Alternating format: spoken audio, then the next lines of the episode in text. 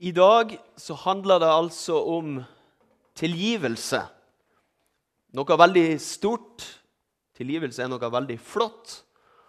Og noen ganger noe ganske vanskelig. For det er jo ikke alltid vi har lyst til det. Hjemme hos oss så er det i hvert fall sånn at det kan være innimellom litt krangling. Kanskje litt lugging og litt klipping. Mest blant barna, da. Og så hender det seg at vi voksne tar tak, ikke sant? og så sier vi 'si unnskyld'. Og hva kommer da? Unnskyld. Er det noen som har hørt den før? Ja. Du ser liksom og hører at det er ikke det de har aller mest lyst til der og da. Og sånn kan vi voksne også ha det noen ganger. sant? Vi står der med ryggen mot hverandre. Og så er vi for stolt til å be om tilgivelse eller å gi tilgivelse. Og så finnes det en vei her. Sant? Men alle veier de har grøfter ikke sant? på begge sider. Den ene grøfta det er den vi allerede har beskrevet. Den som sier 'jeg skal slett ikke tilgi noe som helst'. Kanskje tvert imot. 'Jeg skal ta igjen'. Hvis du prøver det på meg, da skal du sannelig få smak. Eller så er det noen som velger en litt sånn forsiktigere variant. OK, jeg skal huske det der. Så skal jeg hente det fram når det passer meg best. Men så fins det ei grøft på andre sida også, og den ser sånn her ut. Er det noen som ser hva jeg er nå? Nå er jeg ei sånn dørmatte. Det er bare å tråkke på meg. Tråkk meg godt ned i skiten. Det er ikke så nøye. Det er ikke så farlig. Det er noen som tror at det er tilgivelse. Men det er også en misforståelse. Tilgivelse er ikke å si at 'det var ikke så nøye', eller 'det var ikke så farlig'. Tilgivelse handler faktisk om at vi holder hverandre ansvarlig og sier at 'det du gjorde imot meg, det var ikke greit'. Du får be om unnskyldning før det kan bli på tale med noe tilgivelse.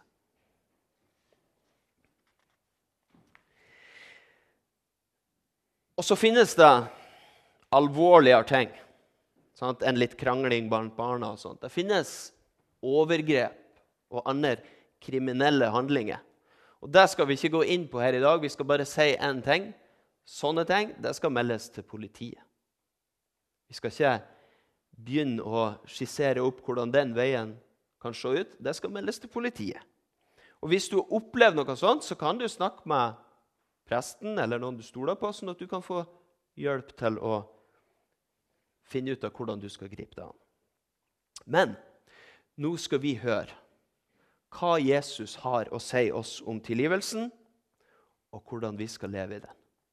Det er en litt lang tekst, men følg godt med, for den er ganske spennende. Dette hellige evangeliet står skrevet hos evangelisten Matteus i det 18. kapittel. Vi leser fra vers 21 i Jesu navn. Da gikk Peter til ham og spurte, 'Herre, hvor mange ganger skal min bror kunne synde mot meg, og jeg likevel tilgi ham?' Så mange som sju. Ikke sju ganger, svarte Jesus, men jeg sier deg 70 ganger sju. Derfor kan himmelriket sammenlignes med en konge som ville gjøre opp regnskapet med tjenerne sine. Da han tok fatt på oppgjøret, ble en ført fram som skyldte ham 10 000 talenter. Han hadde ikke noe å betale med, og Herren befalte at han skulle selges med kone og barn og alt han eide, og gjelden betales. Men tjeneren kastet seg ned for ham og bønnfalte ham. Vær tålmodig med meg, så skal jeg betale deg alt sammen. Da fikk Herren inderlig medfølelse med denne tjeneren, slapp ham fri og etterga ham gjelden. Utenfor møtte tjeneren en av de andre tjenerne, en som skyldte ham 100 denarer. Han grep fatt i ham, tok strupetak på ham og sa, 'Betal det du skylder.' Men den andre falt ned for ham og ba, 'Vær tålmodig med meg, så skal jeg betale deg.' Men han ville ikke. Han gikk av sted og fikk kastet ham i fengsel Der skulle han sitte til han hadde betalt gjelden.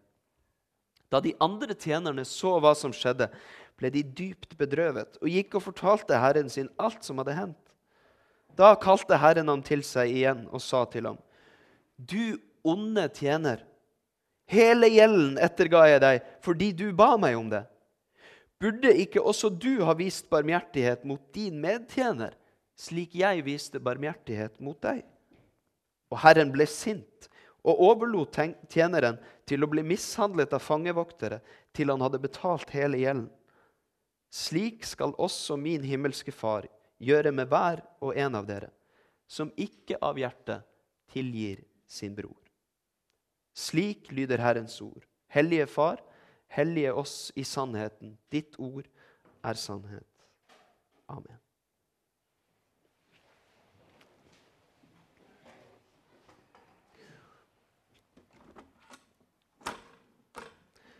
Det første vi lærer, det er jo det at tilgivelse og matematikk, det er ikke det samme. Men det er veldig lett å tenke sånn. La oss si at eh, du hadde gjort noe imot meg. sant? Ok? Og sette en strek på tavla. Det er greit. Det er. Men så kanskje vi var ute og spilte fotball, og så takla du meg. Sånn at jeg tryna skikkelig. Ja, en til. Greit nok. Og så hørte jeg noen som sa at jeg var blitt kalt noe veldig stygt. Tre. Du, da får det være nok. Da er kvoten brukt opp, ikke sant? Eller Peter, da. Han tenkte kanskje han var litt raus ikke sant? når han sa ja, OK, tre, fire, fem, seks, sju. Der får vel grensen gå. Ikke sant, Jesus? Skal jeg telle så mange ganger? Og så sier Jesus nei. 70 ganger 7.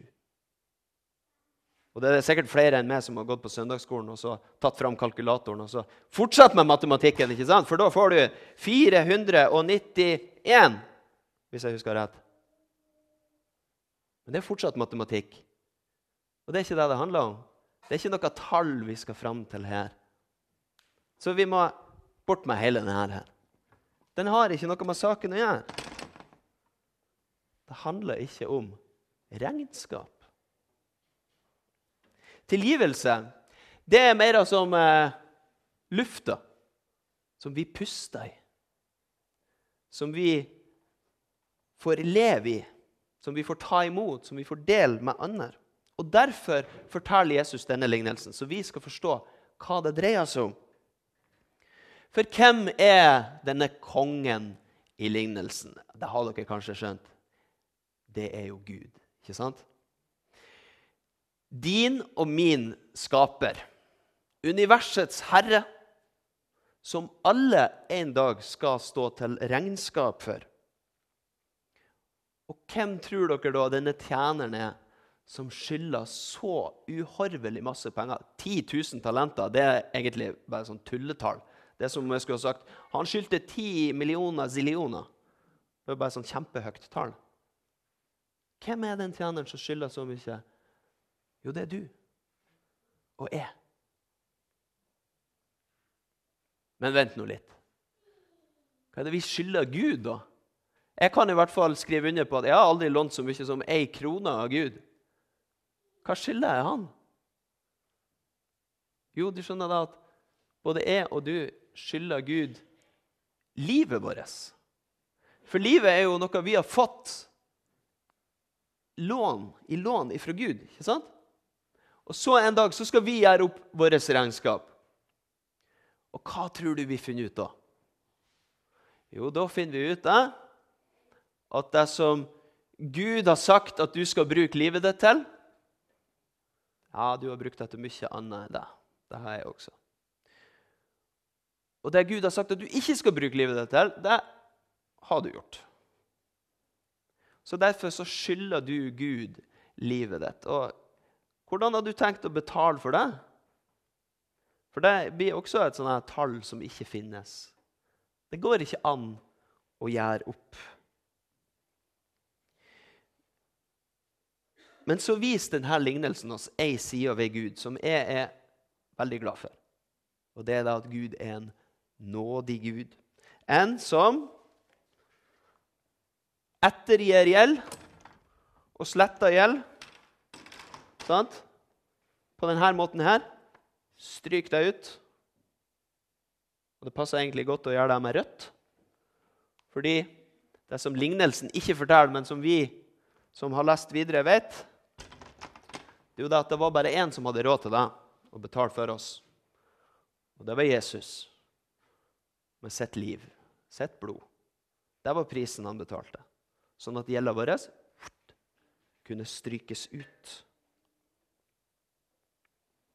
Korset, som dere ser her, det er det som minner oss om at gjelda er betalt.